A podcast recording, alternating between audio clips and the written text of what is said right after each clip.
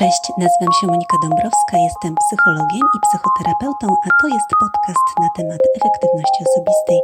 Miejsce, w którym pokazuję, jak wykorzystać wiedzę i umiejętności psychologiczne do kreacji świadomego i spełnionego życia. Koncentracja uwagi, tworzenie nawyków oraz zarządzanie sobą w czasie to jedne z wielu tematów, o których mówię na tym kanale. Jeżeli jesteś przedsiębiorcą, pracownikiem korporacji, łączysz pracę z nauką lub po prostu chcesz od życia więcej, Zapraszam Cię do słuchania.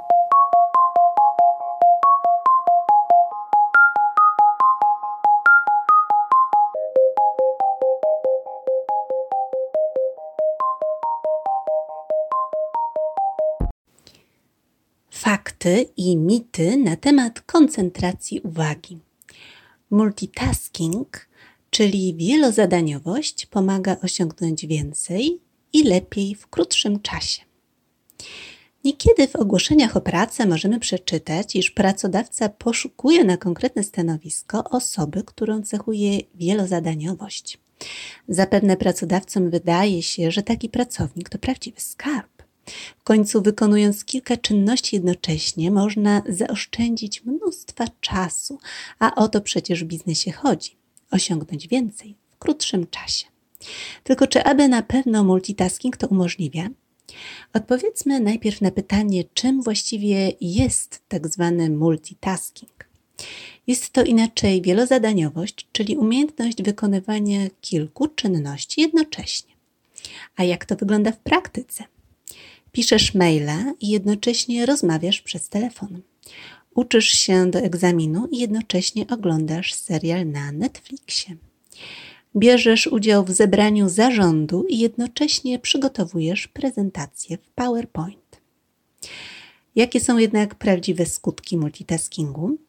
Jeżeli usiłujesz słuchać nagrania ze szkolenia i oglądać serial na Netflixie, to z dużym prawdopodobieństwem okaże się, że przegapisz zarówno treść szkolenia, jak i fabułę filmu. Co więcej, wykonywanie tych czynności potrwa dłużej niż wtedy, gdybyś wykonał je jedno po drugim. Najpierw wysłuchał szkolenia, a potem obejrzał film. Dlaczego tak się dzieje? Wpływa na to kilka czynników. Po pierwsze, zarówno w pierwszym, jak i w drugim zadaniu musisz analizować informacje wzrokowo-słuchowe. Jeżeli zaś typ informacji docierających do ciebie jest do siebie podobny, wówczas trudniej jest podążać za obydwiema jednocześnie. Dzieje się tak dlatego, ponieważ oba kanały zmysłowe, wzrokowy i słuchowy, są jednocześnie zajęte. Po drugie, wykonywanie dwóch czynności równolegle spowoduje wydzielanie hormonu stresu. Tego rodzaju pobudzenie zaś nie jest korzystne dla wykonywania zadań i koncentracji uwagi na zadaniu. Po trzecie, nasza uwaga nie jest z gumy, a jej zasoby są tak naprawdę ograniczone. Oznacza to, że efektywnie możemy działać tylko wtedy, gdy w tym samym czasie analizujemy niewielkie ilości informacji.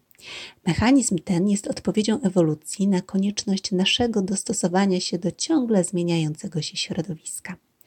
Nasi przodkowie z tak zwanego szumu bodźców w otoczeniu musieli wyławiać informacje kluczowe, czyli świadczące o zagrożeniu lub możliwości zdobycia pożywienia. Dlatego nasz umysł posiada umiejętność selekcjonowania, to znaczy wybierania bodźców ważnych.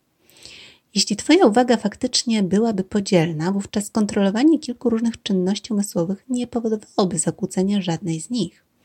Okazuje się jednak, że tak nie jest. Kontrolowanie przebiegu kilku czynności powoduje zakłócenia co najmniej jednej z nich.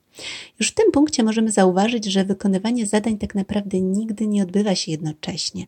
Czynności zawsze wykonywane są jedna po drugiej. Nasz mózg stara się bardzo szybko przełączać między różnymi zadaniami, co z perspektywy dalszego obserwatora może wydawać się wykonywaniem kilku zadań naraz. Z daleka nie zauważamy tych mikroprzerw. Nasza uwaga nie jest zatem podzielna na kilka zadań jednocześnie.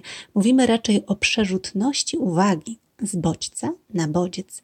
W 1927 roku udowodnił to amerykański psycholog Arthur Yersild, który przeprowadził interesujący eksperyment. Zaprezentował on osobom badanym długie kolumny dwucyfrowych liczb.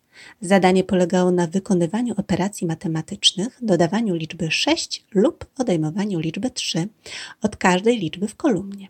osoby badane podzielono na dwie grupy. Pierwszej z nich kazano e, wykonywać obie operacje naprzemiennie, w drugiej zaś kazano wykonywać tylko jedną z nich, na przykład tylko odejmować liczbę 3. Była to zatem wersja jednorodna, wymagająca koncentracji tylko na jednym zadaniu.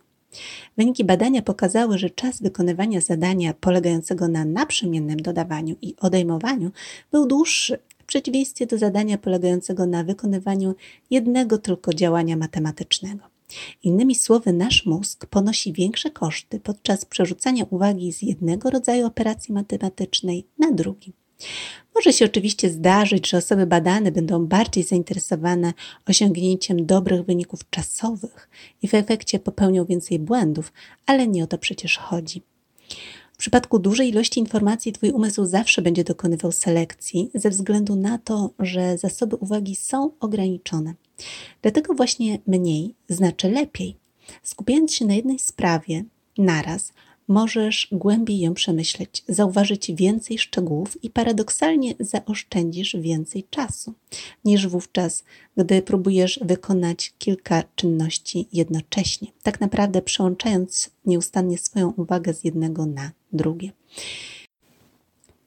Dlatego, jeśli chciałbyś dowiedzieć się więcej, innymi na temat tego, jak poradzić sobie z nadmiarem informacji, zajrzyj na stronę www.monikadabrowska.com i odbierz bezpłatny e-book.